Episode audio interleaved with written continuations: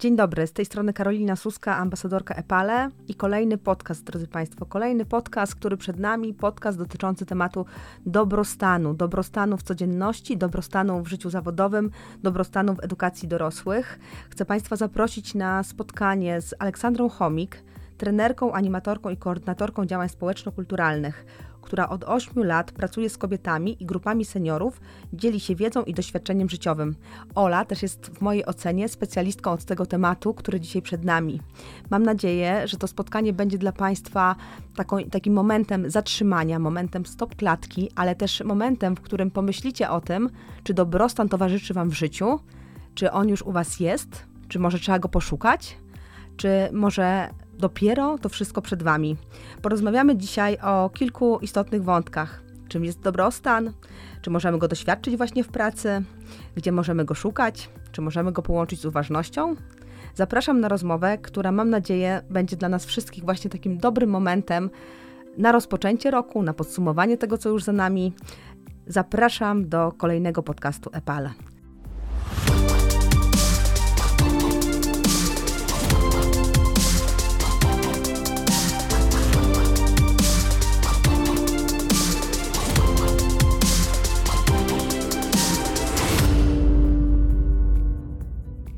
Witaj, Olu. Witaj, bardzo mi miło i dziękuję Ci bardzo za zaproszenie. Cieszę się, że zgodziłaś się ze mną porozmawiać o tym ważnym temacie, jakim jest dobrostan. E, obserwuję Twoją pracę już od e, kilku lat.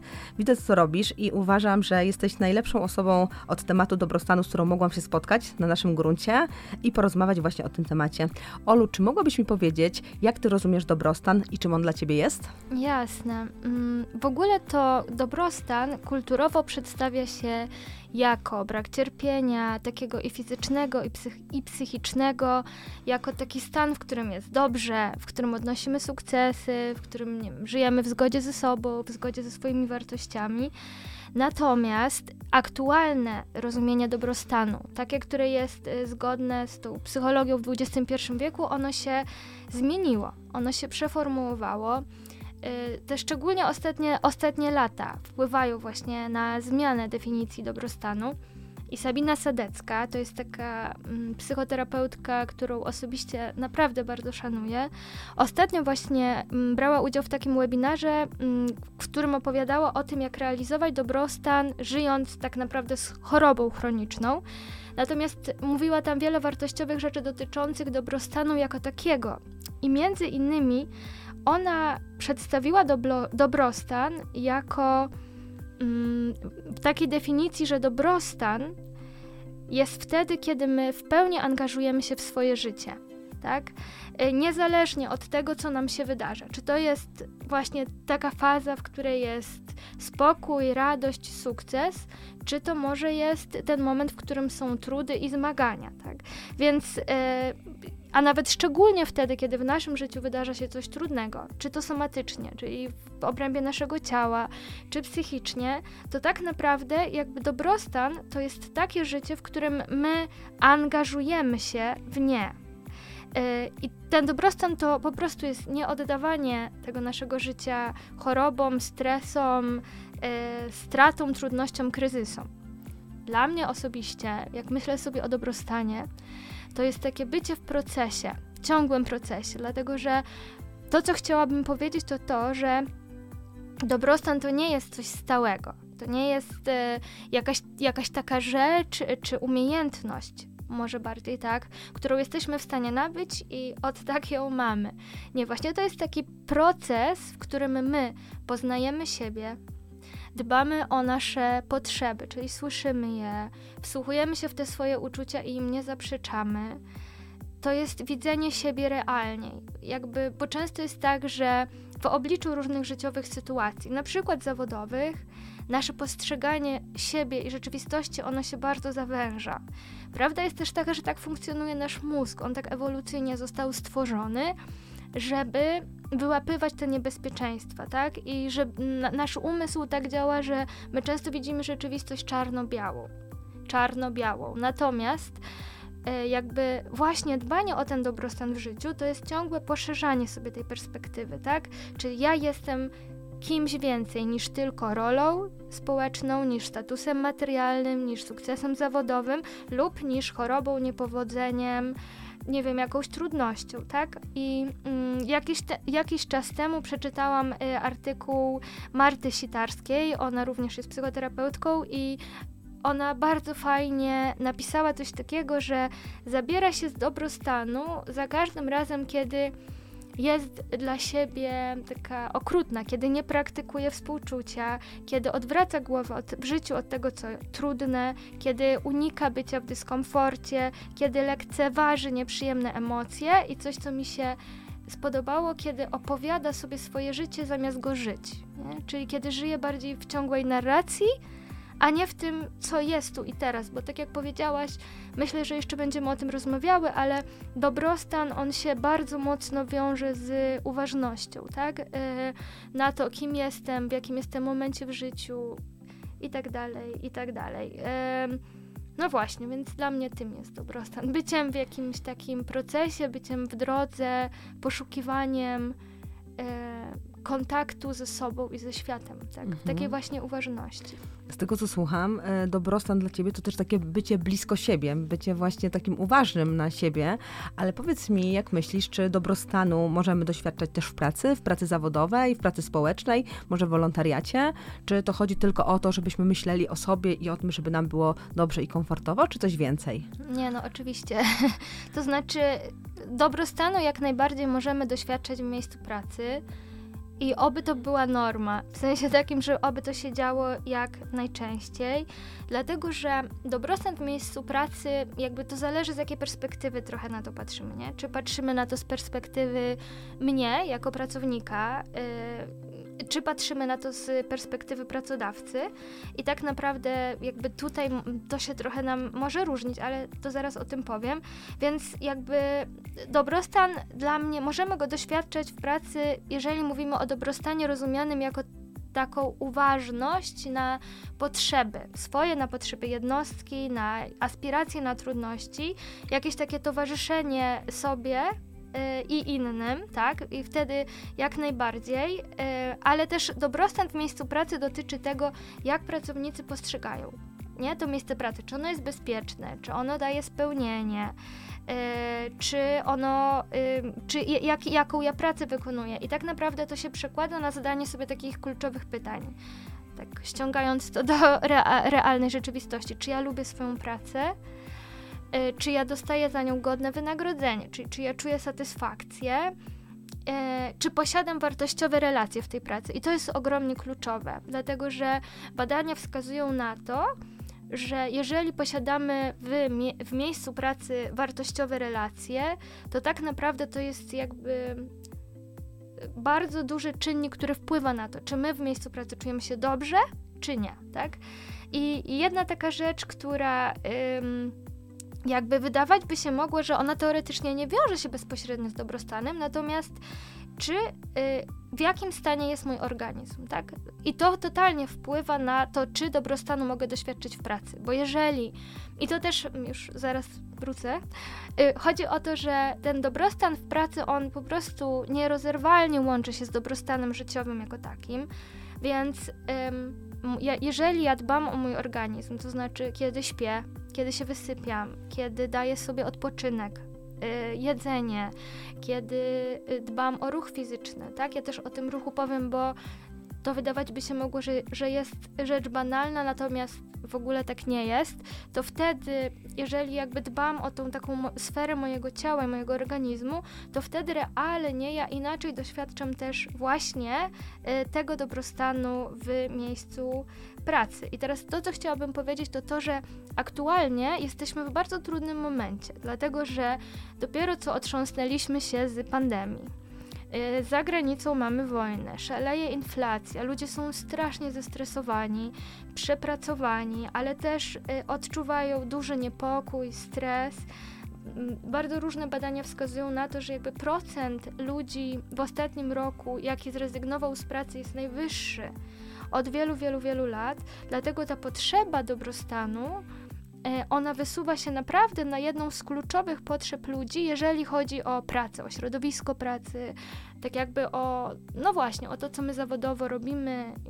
A jak myślisz, bo powiedziałaś, że teraz mamy ten czynnik y, wysokiego rezygnowania z y, pracy, mhm. czy to y, wynika ze świadomości, że ludzie poszukują tego dobrostanu, zaczęli go poszukiwać, czy też może właśnie z tego, że byli mocno sfrustrowani mhm. i szukają jakichś innych rozwiązań? Bo mamy ten czynnik ludzki, bardzo mhm. istotny, tak jak powiedziałaś w życiu zawodowym, mamy czynnik ekonomiczny, który może wpływać na dobrostan, mhm. mamy te czynniki, które tak naprawdę e, jakby całościowo definiują nas, naszą codzienność, życie e, to poza pracą, ale właśnie bardzo mnie teraz zainteresowało, e, zainteresował mnie ten wątek i chciałabym go też tutaj mhm. na chwilę się przy nim zatrzymać, czy właśnie świadomość dobrostanu decyduje o rezygnacji z pracy, czy też e, może jakieś inne czynniki z twojej perspektywy? Mhm. Wiesz co, myślę, że to jest bardzo złożone. Jakby e, jedno na pewno to jest to, że my mamy coraz większą świadomość społeczną, też to widać, tak, że ludzie coraz świadomiej chcą dbać o siebie, ale powiem Ci też, że mm, bardzo mnie to mm,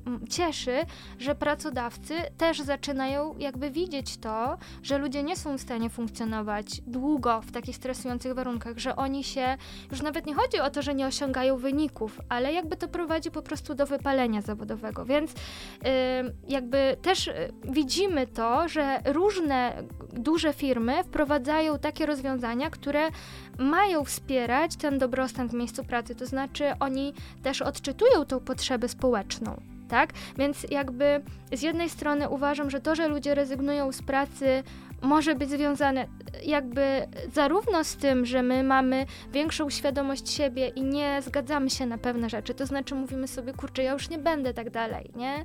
Że to mnie przekracza i nie chcę i czuję w sobie pewnego rodzaju siłę, że ja tak dalej nie chcę, więc robię taki krok i mówię, dobrze, no to nie, odchodzę z pracy, ale niestety po drugiej stronie, w obliczu tych wydarzeń, o których Ci przed chwilą powiedziałam, mam takie poczucie, że na drugiej szali, takiej może trochę skrajnej, bo gdzieś pomiędzy pewnie jest mnóstwo innych powodów, ale jest też to wypalenie zawodowe, tak? Czyli ten temat, który z którym y, naprawdę ogrom ludzi się teraz zmaga. I ja y, widzę, że to nasze otoczenie y, i też jakby sposób naszego życia, nie? Taki pęd, y, wyzwania, które stawia przed nami świat i które pandemia na przykład nam postawiła. Niektórzy w to weszli jak w masło, a dla niektórych to były naprawdę takie traumatyczne różne doświadczenia, które gdzieś tam nabudowywały stres i no właśnie, i jakby ludzie w pewnym sensie zaczęli no albo rezygnować, albo się wypalać i no, mamy taką sytuację, tak, że badania odzwierciedlają ten odpływ ludzi e, właśnie z miejsc mhm. pracy. Też od razu tutaj pojawiło się, pojawił się kolejny wątek wypalenia zawodowego. Właśnie tak. ja też się zastanawiam, czy na przykład w Twojej ocenie, w Twojej opinii e, dobrostan, świadome korzystanie z dobrostanu, praktykowanie go w życiu może być czynnikiem, który powstrzyma to wypalenie zawodowe i, e, nie wiem, spowoduje, że osoba, która się z tym wypaleniem zmaga, podejmie decyzję praktykując dobrostan, że, że może to miejsce pracy tak naprawdę nie jest takie złe, tylko może to są inne czynniki, które na to wpływają czy też może jest zupełnie odwrotnie i tak naprawdę to wypalenie zawodowe otwiera nam oczy na to, że właśnie może byliśmy za bardzo zapędzeni w tej pracy? Mhm. W którą stronę byś bardziej poszła? Myślę, że to jest system naczyń powiązanych. Jakby wiesz, że jedno wpływa na drugie, tak? To znaczy, kiedy ja lekceważę swój dobrostan, to jest po prostu, do, mm, to jest idealna droga do wypalenia zawodowego. Taka wiesz, prosta highway, po prostu jedziesz nią. Jeżeli ty nie dbasz o siebie fizycznie, psychicznie, jeżeli, no właśnie, nie poznajesz siebie, nie aktualizujesz takiego stanu, nie, ciągle lekceważysz swoje potrzeby, no to po prostu się wypalisz. Wypalisz się i zawodowo, i wypalisz się yy, życiowo. I jakby to, to, też jest fajne, znaczy fajne, dla mnie takie interesujące może było to, że jakby według definicji Herberta Freudenbergera, nie wiem czy właściwie wymagam jego nazwisko, on był twórcą jakby tej definicji wypalenia zawodowego. On mówił, że on się składa tak, na, że wypalenie zawodowe składa się tak naprawdę z trzech komponentów, tak? Jeden komponent to jest wyczerpanie emocjonalne, czyli że ja już dłużej nie jestem w stanie się tym przejmować, czym się przyjmuje, tak? Drugi komponent to jest zanik empatii, troski, współczucia, taka depersonalizacja. I trzeci to jest obniżony mm, taki spadek poczucia spełnienia, czyli że ja już nie mam celu, tak? I to, co wiemy z badań, które tam prowadzone były przez ponad 40 lat, to że najważniejszym czynnikiem wpływającym na wypalenie zawodowe jest to wyczerpanie emocjonalne, tak? I mm, to, co ja bym chciała mówić, powiedzieć, to to, że jakby właśnie, jeżeli my y, będziemy się ciągle wystawiać na te sytuacje stresowe, y, jeżeli my nie będziemy o siebie dbać, to prędzej czy później albo się wypalimy życiowo, albo się wypalimy zawodowo i jakby to się będzie jakby zazębiało, tak, ze sobą. Y, tylko, mm, no właśnie, jakby to też polega na tym, że jeżeli my idziemy tą drogą i staramy się z tym dobrostanem jakoś żyć, no to jakby go praktykować, to też musimy się otworzyć na to, co trudne, tak? I zacząć przyjmować to życie właśnie bardziej w pełni. Mhm, czyli taka większa świadomość tak naprawdę doświadczeń tych pozytywnych i tych e, doświadczeń, o których powiedziałaś, że mogą być trudniejsze, a nie tylko myślenie o tym, że ma być nam dobrze, tak? Tak, tak, tak, bo jest taka cudowna książka, yy, książka dr Emilii Nagojski i Amelii Nagojski, one są w ogóle siostrami. To jest y, książka Wypalenie. Ona dotyczy właśnie wypalenia zawodowego i ona bardzo dogłębnie ten aspekt przedstawia. I one tam w tej książce opowiadają o tym, y, właśnie odnosząc się do tego wyczerpania emocjonalnego, że te nasze emocje są jak tunele, tak? Że jeżeli przejedziesz przez nie do końca, to na środku tego tunelu jest światło, tak? Natomiast jeżeli ym, my Y, jesteśmy w stanie wyczerpania emocjonalnego, to wynika z tego, że my utknęliśmy gdzieś. W tym tu naszym tunelu emocjonalnym, tak? Możemy utknąć dlatego, że jesteśmy, tak jak wcześniej powiedziałam, wciąż wystawiani na jakieś takie sytuacje, które aktywują trudne w nas emocje. Na przykład w miejscu pracy. Stres, wstyd, nie wiem, jakieś no różne rzeczy, tak? Yy, albo yy, możemy utknąć dlatego, że yy, codziennie wracamy, o właśnie, na przykład tu wracamy do miejsca pracy, które wymaga od nas mm, zasobów emocjonalnych. Na przykład wszystkie pomocowe zawody tak mają, nie? Że ci ludzie jakby pracują też na swoich emocjach, więc tutaj jakby no to wyczerpanie emocjonalne jest jakby większym prawdopodobieństwem, czy może się częściej wydarzać. No i jakby właśnie, to jest strasznie ważne, żeby przez ten tunel przechodzić do końca, żeby, e, żeby żeby się nie zatrzymać? Żeby się nie zatrzymać, w sensie, żeby puścić to, nie? Co gdzieś tam trzymamy. I dla, dlatego na początku powiedziałam, że ten ruch jest tak ważny, bo one w tej książce piszą o tym, że żeby domykać y, te emocje, ale też takie spirale, może nie spirale, ale m, mm, takie koła y, stresu jakby, tak? Cykle stresowe, o. One tak o tym mówią, to potrzebujemy ruchu mhm. aktywności fizycznej i, i naprawdę wytańczyć, wychodzić. Dlatego czasami jest tak, że idziemy na spacer, nie? Potrzebujemy wyjść, ten to całe napięcie, które gdzieś tam mamy w sobie. Ja zawsze na to mówię wietrzenie głowy, że no ono jest właśnie, bardzo potrzebne. No Co właśnie. prawda może mieć różne jakby mhm. konteksty, mhm. aczkolwiek uważam, że z perspektywy też e, edukacji osób dorosłych, naprawdę osoby, które tą edukacją się zajmują, warto, żeby myślały o tym, żeby właśnie wietrzyć głowę, żeby znaleźć ten swój dobry sposób na to, jak ta głowa, e, że tak powiem bardzo metaforycznie oczywiście, mhm. będzie wietrzona, bo to też może właśnie nas e, bardzo uwolnić i otworzyć nam nowe obszary. I tak właśnie myśląc o kontekście e, portalu, myśląc o kontekście kontekście EPALE, w ramach którego się spotykamy, myśląc o edukacji osób dorosłych, chciałabym Cię, Olu, zapytać, um, czy z perspektywy bycia trenerką, na przykład bycia animatorką, bycia koordynatorką, y, mogłabyś polecić jakieś e, dobre wskazówki dla osób, które zajmują się edukacją dorosłych w kontekście korzystania z tego dobrostanu, właśnie wdrażania go w życie, wiecie, wiesz, bycie na e, ciągłych obrotach, bycie też w stresie, przychodzę do nowej grupy, spotykam się z innymi osobami niż poprzednio, muszę się znowu poznać, muszę tak naprawdę naprawdę zrealizować jakiś plan. Jest to często sytuacją bardzo, bardzo też stresującą, jest to sytuacją często nową, jest to sytuacją, w której e, osoby zajmujące się edukacją osób dorosłych wystawiane są też w pewnym sensie na jakąś próbę, bo nigdy nie wiemy, kto po tej drugiej stronie e, się znajdzie, jeżeli oczywiście pracujemy e, stricte trenersko, ale też myślę sobie w tym momencie e, o nauczycielach, myślę o doradcach zawodowych, myślę o osobach, które w branży edukacyjnej robią naprawdę mhm. bardzo dużo i mają tych czynników stresowych też wiele. Co byś im poleciła w kontekście właśnie wdrażania wdrażania tego dobrostanu w codzienność. Mhm. No właśnie, tutaj widzę znów dwa aspekty. Nie? Jeden aspekt to jest jakby dbanie o dobrostan taki życiowy, dlatego że wyobraź sobie, mm, że to jest no właśnie, takie napędzające się koło, nie? Czyli jeżeli, jeżeli nie dbamy o ten dobrostan taki życiowy, no to jakby to ma jak w lustrze widzimy to w życiu zawodowym i na odwrót. Nie? Więc te dwa aspekty to jest z jednej strony ten dobrostan jako taki, ten dobrostan życiowy, y, a drugi aspekt to jest praktykowanie dobrostanu w miejscu pracy po prostu. Więc odnosząc się do tego dobrostanu życiowego, zaczęłabym od tego, o czym ja bardzo często mówię czyli od tak zwanej aktualizacji bazy danych, to znaczy poznawania siebie, to znaczy uważności na siebie, na to, czego ja potrzebuję. Bo jeżeli ja pracuję w takim zawodzie, w którym jestem w ciągłym kontakcie z ludźmi, prawda, jestem, nie wiem, też wystawiona na ciągłą opinię, też na takie sytuacje różne konfliktowe, trudne i tak dalej, to też ja potrzebuję jakby zbudować sobie taki, wiesz, jakiś, jakiś swój system odreagowywania, radzenia sobie, tak? Ale najpierw mam poczucie, że muszę poznawać siebie na zasadzie takiej, e, żeby mm, znać albo może spróbować odkrywać uczucia, które się we mnie pojawiają, na przykład złość, stres, ale też radość, zadowolenie, tak?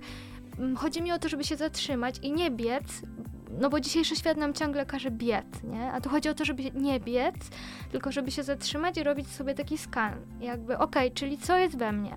Jakby z czym ja do tych ludzi dzisiaj idę, tak? Yy, żeby też nie przenosić pewnych rzeczy na tych ludzi, z którymi pracujemy. Ja miałam dzisiaj w sklepie rano taką sytuację, że pani po prostu wylała na mnie chyba całą frustrację poranka swoją, no i ja mogłam odburknąć, ale też miałam świadomość, jakby zobaczyłam ją pomyślałam, że kurczę, chyba jest jej naprawdę trudno, uśmiechnęłam się do niej i tyle. Natomiast y, pierwsza rzecz to jest taka, że te nasze uczucia też są bardzo ważne, że nie jesteśmy jak takie robociki, tak? Oprócz tego, y, oprócz tych uczuć są nasze potrzeby, czasami i takie, to są takie, wydawałoby się banalne rzeczy, ale napij się wody, zjedz wtedy, kiedy jesteś głodny, tak? To, to jest jedna rzecz.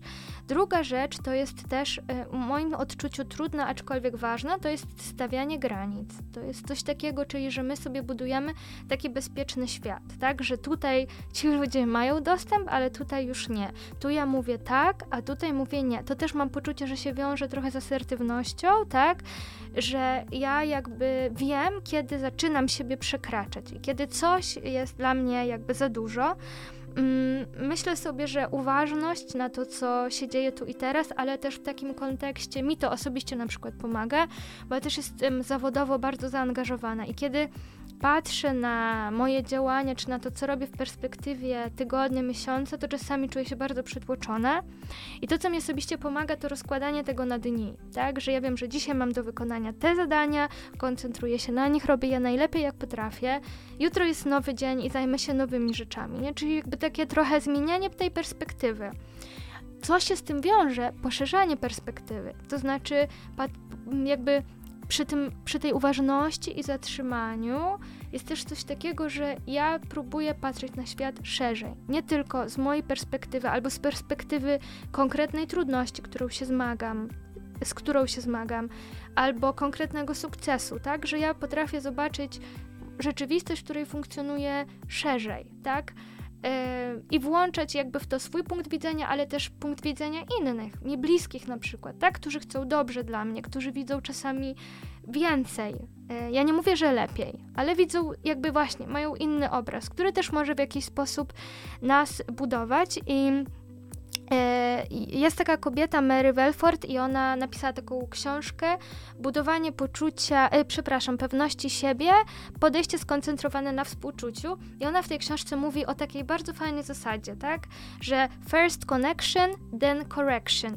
Czyli najpierw się skomunikuj ze sobą, zobacz, co w ogóle w tobie jest, jak ty się z tym czujesz, potem correction, potem, nie wiem, naprawiaj, zmieniaj przeformułowywuj, y, wprowadzaj zmiany, nie wiem, które mogą być tym, że ja następnym razem na coś się zgodzę, albo nie, wezmę na siebie mniej, albo więcej, albo z tą grupą chcę pracować, a z tą nie. No właśnie, więc to to. I jeszcze taka jedna rzecz, yy, dwie, które dla mnie są osobiście bardzo ważne, to jest metoda małych kroków, czyli ewolucja, nie rewolucja, na takiej zasadzie, że yy, ja już mówiłam o tych y, nagojskich siostrach, i ta książka też ma takie humorystyczne y, humorystyczne jakieś takie anegdoty. One mówią o tym trochę, że świat, y, świat zachodni z dobrostanu uczynił kolejny cel, który jakby jest, wiesz, taki, no jak to powiedzieć, taki modny, picie zielonych koktajli, odchudzanie, kąpiel z bąbelkami, a dobrostan nie jest o tym. Jakby też nie jest o tym, bo my próbujemy to robić i to dobrze, że próbujemy i my się bardzo staramy, ale tu chodzi o jakby wprowadzanie takich mikrozmian, ale takich kluczowych w moją codzienność. I to nie musi być od razu właśnie przeformułowywanie całego życia, tylko to może być, że ja zacznę od tego, że nie wiem, wstanę rano i wypiję szklankę ciepłej wody z cytryną, albo że tego dnia, nie wiem, o 20 odłożę telefon i nie będę już na niego zerkać, więc to jest to. Co chciałam powiedzieć? Natomiast w miejscu pracy, jak myślę o tym, jak możemy dbać o dobrostan w miejscu pracy, to przede wszystkim dbać o jakość relacji. W moim odczuciu to jest kluczowe. Inwestować w te relacje, bo wtedy mamy poczu- bo jakby to poczucie łączności z innymi ludźmi to jest, ostatnio słyszałam takie bardzo fajne porównanie, że to jest jak ten, nie wiem czy to się nazywa raki, jak się wspinasz w górach, nie? I się wpinasz... Zdecydowanie są to raki, No, tak. wpinasz się, wiesz, w szczyt, nie? To to jest tak jakbyś y, się przyczepiała do życia, nie? Do właśnie do tego dobrostanu. Jeżeli ja chcę być w dobrych jakościowo relacjach z innymi, to jest, to ma taką moc działania, to jest w miejscu pracy, to jest również dbanie o tą równowagę praca-dom, tak? Co nie Czasem jest, jest trudne. Tak, to jest y, bardzo trudne, ale wiesz, jakby to się zmienia, nie? To widać w ludziach, że oni zaczynają stawiać granice, ale nie tylko w ludziach, to też widać w pracodawcach. Na przykład na początku tego roku Citibank, jako jakby taka ogromna globalna firma, on podjął kroki w kierunku stworzenia swoim pracownikom takiej wyraźniejszej granicy między właśnie pracą a życiem y, osobistym i tam na przykład, nie wiem, są piątki bez Zooma. Y, w, y, albo są takie, podjęli też takie kroki, które miały na celu wyeliminowanie planowania konkretnych projektów czy telefonów w godzinach poza godzinami takimi pracowymi, nie? No bo wiadomo, że to jest taka E, wielka firma, która w wielu państwach funkcjonuje, natomiast jakby dbają o to, że kiedy pracujesz, to pracujesz, kiedy nie pracujesz, to my się z tobą nie kontaktujemy i nie pracujesz. Czyli takie dbanie o balans tych pracowników, tak? E, tak, tak, jakby no i właśnie, jak mówisz dbanie o balans, to ja też widzę coś takiego, że balans to jest właśnie balansowanie. Czyli to nie jest tak, że ta, wiesz, jakby ta lina jest zawsze napięta i ja stoję na niej równo. To jest tak, że czasami mi się ona przychyla w jedną stronę, czasami w drugą. I to jest właśnie ten autentyzm, że jakby czasami będzie tak, że będę mieć cięższy okres i będę więcej pracować, natomiast ta lina ma, czy jakby te ta równoważnie, nie wiem, ma szansę wygiąć się w tą drugą właściwą stronę, kiedy ja później się zregeneruję, tak? Bo jeżeli będę tylko cisnąć w tą stronę, no to właśnie to prowadzi do wyczerpania, czy zawodowego, czy emocjonalnego, czy jakiegokolwiek innego, po prostu i tam nie ma zasobów, ja nie mam z czego czerpać, też nie mam z czego dawać, tak? Bo jakby mm, też to, co chciałabym powiedzieć, co dla mnie jest ważne, to to, że można by, to dla ludzi jest trudne, mam poczucie, nie? że oni sobie myślą, tak, to teraz ja będę dbać o swój dobrostan, ale jak to tak? To jest egoizm, to nie jest żaden egoizm. To jest tak, że jeżeli ja nie zadbam o siebie i o swoje potrzeby, to nie będę w stanie dbać o moich bliskich. Tak, to jest ta prosta, samolotowa zasada. Jak nie nałożę maski sobie, to nie uratuję dziecka, tak? Najpierw się sobie nakłada maskę tlenową, potem się nakłada maskę tlenową komuś obok. No i tak samo jest jakby w życiu, że ja jestem w stanie dać moim współpracownikom siebie w takiej wersji, którą ja sama bym chciała dać, kiedy o siebie zadbam, tak? Że ja się czuję zadowolona w miejscu pracy, kiedy ja czuję, że nie robię po raz kolejny coś wbrew sobie. Tylko kiedy postawiłam granicę i powiedziałam, kurczę, wiesz co, no tym razem nie zostanę tych godzin i to jest za pierwszym razem trudne. Ja ostatnio dużo rozmawiam z pracownikami, akurat instytucji kultury. I jakby dużo im o tym mówię, tak, że oni mówią, to jest niemożliwe. Ja mówię, to, jest nie, to się wydaje niemożliwe za pierwszym razem, tak? Natomiast jakby i to buduje siłę. To właśnie o to chodzi, że im bardziej ja jestem autentyczny i robię te kroki w kierunku do siebie, ku sobie jakby, tym bardziej mam tak jakby ta siła, ta witalność we mnie rośnie, tak? To, że ja, wow, ja też, i tutaj właśnie to słowo też jestem ważny, ważna, tak? Nie tylko to, co robię, ci, którzy mnie otaczają, tylko ja też jestem w tym systemie, tak? Jeżeli ja się w ten system włączę jako, jako ten element, który jest na równi z innymi, no to wtedy mam poczucie, że to może zadziałać i i właśnie, i, to, i, i, tylko, że to wymaga pewnego na początku takiego dyskomfortu. Mhm, czyli wychodzenia ze strefy komfortu. Mówisz o tym komforcie, więc ja sobie od razu myślę o, wychodzenia ze o wychodzeniu ze strefy komfortu. E, właśnie też w kontekście takim, że czasami jest tam niewygodnie, że nas to uwiera, nie? I jak, dopiero jak nas zaczyna może też bardziej coś uwierać w pracy, no to myślimy sobie o tym, co ja z tym mogę zrobić, nie? Tylko, że często jest też tak, że niestety kończymy na tym myśleniu, bo mhm. o tym wszystkim, e, o czym mówisz, to wszystko, o czym mówisz, wymaga też od nas mhm. tak naprawdę bardzo dużej samoświadomości. To, mhm. to na pewno jest, tak jak powiedziałaś na samym początku, procesem, który musi trwać, ale mhm. bardzo mi się spodobała ta zasada małych kroków, że mhm. żebyśmy zaczęli od drobnych rzeczy, które mhm. mają później wpływ na, na całość, na ten e, większy i szerszy aspekt. I chciałabym Cię, Olu, idąc jakby mm, za tą myślą, zapytać też trochę, bo mamy perspektywę, powiedzmy, edukatora, osób dorosłych, mhm. ale też myślę sobie o tych ludziach, których edukator spotyka na swojej drodze, z mhm. którymi ma do czynienia, których, e, których uczy. E, I chciałabym Cię zapytać i w kontekście e, tych młodych dorosłych, w kontekście dorosłych, w kontekście seniorzy, seniorów, czy właśnie taki świadomy edukator żyjący w dobrostanie, może w jakiś sposób dzielić się mm, tym dobrostanem z innymi ludźmi, może jakoś, nie wiem, dawać jakieś wskazówki, y, może zwracać na coś uwagę, co by mogło też ludziom trochę bardziej otwierać oczy i zachęcać do tego, żeby o tym swoim dobrostanie zaczęli myśleć? Mm, jak najbardziej. Jakby pierwsza rzecz, która jest fajna, którą powiedziałaś, to że jakby właśnie, jeżeli my dbamy o nasz osobisty dobrostan, no to zobacz, z jak inną energią wychodzimy do ludzi, tak? jakby jacy my jesteśmy w y, kontakcie z nimi że nie wchodzimy w takie, y, bo czasami jest tak, że jak jeżeli funkcjonujemy w dużym napięciu i stresie, to nam się podłącza mm, takie strasznie emocjonalne myślenie o sytuacjach, nie? Wtedy się potrafimy zagonić w myśli, reagować, nie wiem, złością, agresją, tak y, z poziomu jakby dziecka bardziej niż dorosłego, świadomego, tak? Więc pierwszy, że to jest taki y, właśnie edukator, nie wiem, animator, który jakby jest w stanie się zatrzymać i reflektować, to jest jakby ogromna wartość już na samym wejściu dla grupy, tak? Czy dla ludzi, z którymi pracuję. I y, ja jestem zdania, że niezależnie od tego, jakie mamy zadania do wykonania w tej pracy, tak?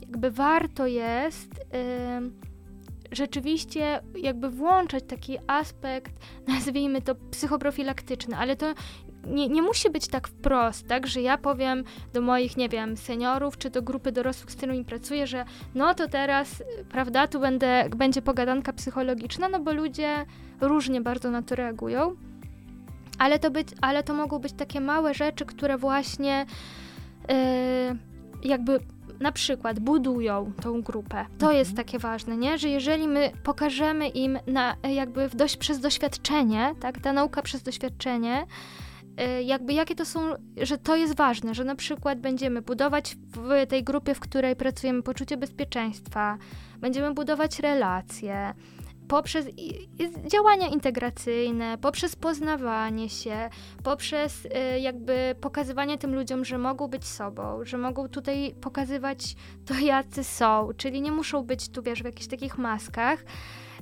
to to jest taki pierwszy krok, że jak mamy, pracujemy z tą grupą i ta grupa poczuje się dobrze z nami, to wtedy ona nam ufa. A jeżeli nam ufa, to my możemy jakby wtedy te treści różne przekazywać. Wprost, nie wprost. Możemy robić rozmowy na jakiś temat, możemy robić różne warsztaty, różne ćwiczenia, tak? Możemy jakieś materiały filmowe im pod, jakby podsyłać albo z nimi omawiać. No to są jakby przeróżne działania. Możemy szczerze z nimi rozmawiać po prostu o życiu, tak?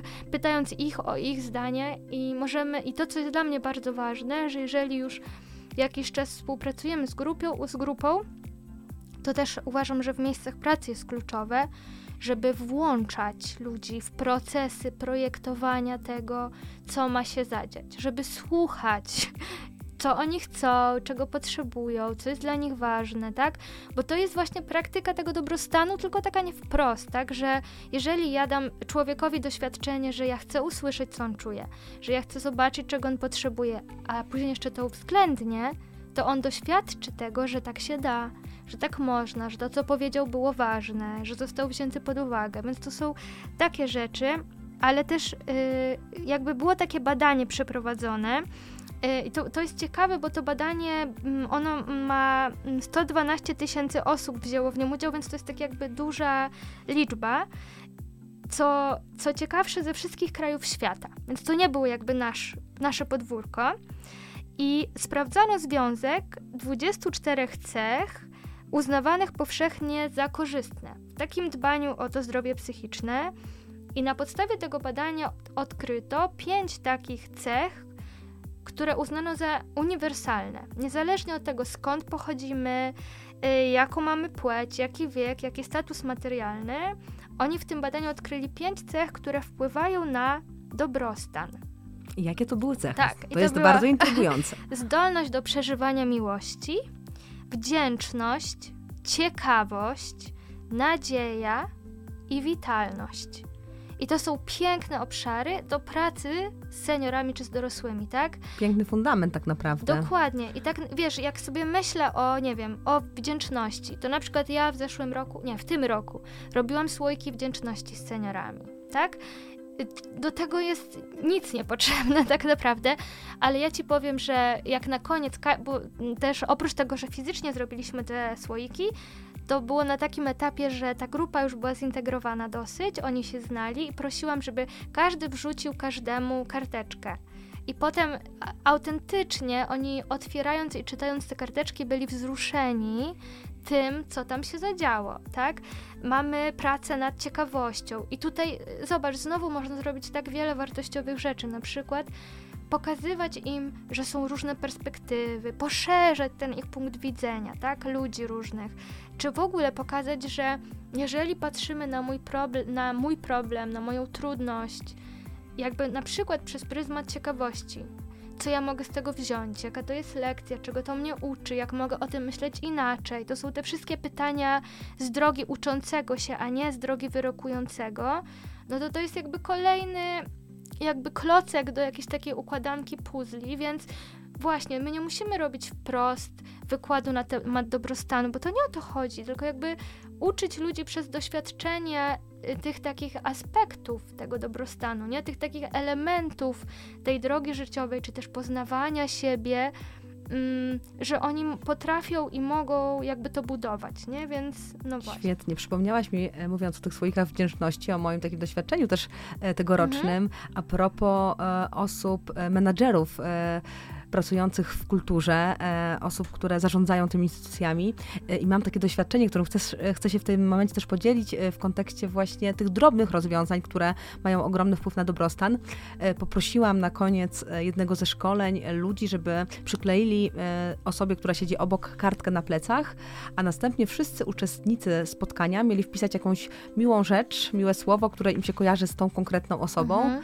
I muszę Państwu powiedzieć, że efekty przerosły jakby moje oczekiwania zdecydowanie. Ci ludzie, tak jak mówisz, oni byli wzruszeni, oni sobie przypomnieli o ważnych rzeczach, które w sobie mają, które na co dzień im nie towarzyszą, bo ciągle e, pędzą, gonią, e, mhm. spełniają jakby jakieś oczekiwania, realizują cele, wskaźniki i tak dalej, a tu się zatrzymują na chwilę. I takie, takie właśnie drobne momenty, takie momenty podsumowania czasami, momenty zatrzymania się w środku e, czegoś, co się dzieje, mhm w środku naszej pracy, w środku jakiegoś projektu, który realizujemy, naprawdę może być super punktem właśnie takim też motywującym do tego, żeby pójść dalej, żeby ludziom się dalej chciało i my musimy po prostu też nauczyć się e, to robić, po prostu dba, zacząć dbać o to, dostrzegać, a nie tylko realizować cel, który jest ponad. Cel jest ważny oczywiście, nie chcę ujmować jego znaczeniu, aczkolwiek ludzie, którzy realizują ten cel, my wszyscy, edukujący e, e, osoby dorosłe, no, musimy zacząć tak naprawdę od siebie, tak jak już tu powiedziałaś, to dzisiaj wielokrotnie mhm. padło, mhm. że musimy pamiętać też o sobie. I Olu, tak podsumowując, chciałabym Ci zadać jeszcze jedno pytanie. E, czy w Twojej perspektywie, z Twojej perspektywy, dobrostanu można się nauczyć? Tak. ja jestem tego przykładem. Znaczy, przykładem bycia w procesie, tak? E, to, to jest to, że ja się śmieję i bardzo często mówię o sobie, że jestem jak fala, że, że czasami jest tak, że tego dobrostanu odczuwam więcej, a czasami mniej też dzielę się tym, żeby pokazać, e, że każdy z nas ma podobnie, nie? To też nawiązując do tego, co powiedziałaś, właśnie to twoje doświadczenie, o którym opowiedziałaś, to jest taki moment, w którym ja odkrywam, że jestem przede wszystkim człowiekiem. Nie jakąś rolą, tylko jestem sobą, Olą, tak? Z różnymi zasobami, cechami charakteru, marzeniami, stresami, trudnościami, nie? I z ogromną wiedzą przy okazji wiedzą, też i z nie? pozytywnymi cechami. Tak, dokładnie, więc tak jakby, jeżeli ja się zatrzymam na chwilę, właśnie zatrzymam, jakby w kontekście takiej uważności, no to jakby z tego y, wynik, wynika to, że decyzje, które podejmuję, są lepsze, po prostu są z korzyścią dla mnie, ale też dla moich bliskich czy ludzi w miejscu pracy. Ale odpowiadając na Twoje pytanie, tak, dobrostanu można się uczyć, uważam, że nawet trzeba. Yy, I że to może przynieść naprawdę ogromną korzyść dla życia. Tylko, że warto mieć na uwadze jedną rzecz. To chciałabym powiedzieć. Yy, patrząc na moje życie, tak? Yy, ja mam 34 lata. Jeżeli przez 34 lata mojego życia myślałam o sobie, o pracy, o wyzwaniach w taki, a nie inny sposób na przykład. I ktoś, kto będzie tego słuchał, pomyśli sobie, nie wiem, zainspirowało mnie to, chcę coś zmienić to warto mieć to na uwadze, że jeżeli przez, nie wiem, 20, 25, 30, 40, ba, 50 lat życia żyłeś, żyłaś i myślałeś, myślałaś w określony sposób, to masz za sobą setki tysięcy godzin angażowania się w taki konkretny sposób myślenia. Y, I te liczby pomagają zrozumieć, dlaczego niekiedy potrzeba w życiu tak dużo czasu i wysiłku, by dokonać zmian. Tak? Czyli żeby że, żeby, żebyśmy teraz znowu nie oczekiwali tego, że dobrze, to ja się nauczę dobrostanu, od jutra robię to i to i to. Nie, jakby to jest proces na całe życie, tak? Y, dobrze jest pamiętać, że nam, ten dobrostan nie jest nam dany raz na zawsze w życiu, tak?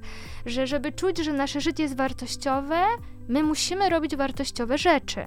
Żeby mieć korzystny bilans osiągnięć, jakby no musimy starać się coś zdobywać, tak?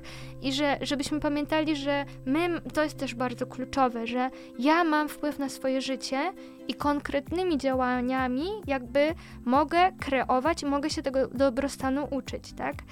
I Tutaj właśnie y, y, siostry Nagojskie już wspominane, y, one takie fajne zdanie napisały w swojej książce, że o tym, że problem jest w tym, że świat przerobił dobrostan na kolejny cel, o którym mówiłam, do którego wszyscy powinniśmy dążyć, ale osiągnąć go mogą tylko ludzie, którzy mają pieniądze, czas, jachty, nianie i numer do Opry Winfrey. A to nie jest tak. Ono może one troszkę tak jakby prześmiewają ten koncept, ale to chodzi o to, żeby żeby pokazać, że e, chodzi o coś więcej. Chodzi o jakby nie o zielony koktajl, tylko o takie codzienne małe kroczki, małe praktyki, które będą wzmacniać życie pełnią życia, tak? E, o dobre więzi z bliskimi, takie kluczowe fundamenty, o których już mówiłam, to jest tak jakby, no właśnie, dbanie o relacje z innymi, odpoczynek, czyli ten aspekt aktywności fizycznej, znaczy może nie aktywności fizycznej, tylko bardziej. Mm, Trochę takiej stop klatki ta, dla siebie samego, tak? Dla ta, siebie samej. Tak, y, ale jakby ten mm, aspekt ciała, nie? Tego, mhm. czy, czego ono potrzebuje. Czyli te takie fundamenty to są właśnie więzi z ludźmi, te takie raki, o których mówiłam, jakby ta aktywność fizyczna, ale też w takim rozumieniu uważności na moje ciało. Czy one potrzebuje pójść w ruch, żeby na przykład wyrzucić coś, nie? Domknąć tą reakcję stresową, czy przeżyć jakąś emocję do końca, zobaczyć światło na końcu tunelu. Yy, I ostatnia rzecz to jest yy, samo współczucie, czyli to jest taka łagodność w stosunku co do siebie to jest takie myślenie, że y, ja jestem ok, po prostu, tak? Że oczywiście mogę nad sobą pracować, ale czasami jestem w takim, a nie innym punkcie życiowym. Popełniłem błąd, dobrze, nie samobiczuję się za to, tylko myślę konstruktywnie, jakby jak wrócić do, wiesz, jak wrócić na dobrą falę, tak? I że to są takie te trzy elementy, które które nas wzmacniają i wtedy nie potrzebujemy numeru do Opry Winfrey, ani nie potrzebujemy nia, 100 y, tysięcy niań, ani jachtu, tylko że to są takie fundamenty, które mogą budować nasze życie jako życie jakby pełne jakości dobrostanu niezależnie tak? Bo to też jest ważne. Niezależnie od wieku, od nawet trudności, tak? Y, od tego, co przeżywamy. Czy jesteśmy w cudownym momencie w życiu, czy w bardzo trudnym. Mhm. Jakby dla obydwu tych y, wychyłów wahadła, jakby możliwe jest bycie w dobrostanie, tak? Bo jakby podsumowując, dobrostan nie jest tylko o tym, co dobre. Jest, jest o byciu w pełni obrazu siebie, nie? O byciu mhm. w takim procesie, że ja właśnie widzę więcej i chcę angażować się w swoje życie niezależnie od tego, co mnie spotyka. Tak? Mhm. To na pewno ten obszar właśnie bycia e, blisko siebie w kontekście i tych pozytywów, mhm. ale też tej trudnej codzienności, która no, jest też wpisana w nasze jestestwo, tak na dobrą no sprawę. No e, Olu, cudowna rozmowa za nami, e, ważne wątki. Myślę, że mogłybyśmy naprawdę poświęcić jeszcze mnóstwo czasu e, na rozmowę o dobrostanie, bo obszarów i zakresów jest bardzo dużo. I się bardzo cieszę, że w tej rozmowie padło e, wiele ważnych kwestii w kontekście też e, zawodowym, w kontekście właśnie edukacji, w kontekście wdrażania praktycznego wdrażania go w życie i nasze codzienne, ale też e, w to w życie właśnie związane z edukacją. E, bardzo się cieszę też, że tutaj powołałaś się, odwołałaś się do wielu takich czynników bardzo mocno merytorycznych. One na pewno tam też dają szerszą perspektywę i będą takim punktem zachęcającym do tego, żeby pogłębiać ten temat, zagłębiać go i jeszcze tak e, potem mam nadzieję, że będą Państwo oprócz samego zagłębiania się w temat zaczęli, za, zaczną Państwo też wdrażać to w życie. E, tak jak Ola powiedziała, dobrostan to proces na całe życie i grunt co zacząć? Zacząć po prostu e, od tego, żeby zadziało się coś związanego z naszym dobrostanem, żebyśmy zaczęli zaczęli go dostrzegać, żebyśmy się e, ku niemu pochylili. E, bardzo Ci, Olu, za te wszystkie naprawdę rady, wskazówki, za tą wiedzę merytoryczną dziękuję.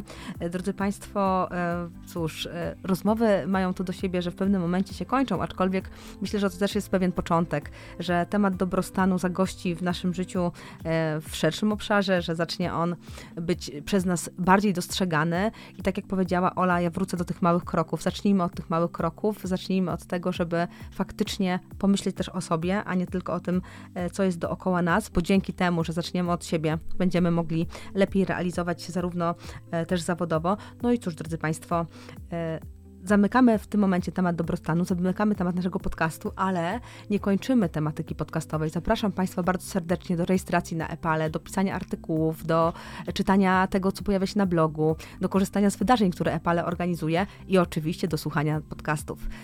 Była z Wami Karolina Suska oraz Aleksandra Chomik. Dziękuję bardzo. Dziękujemy.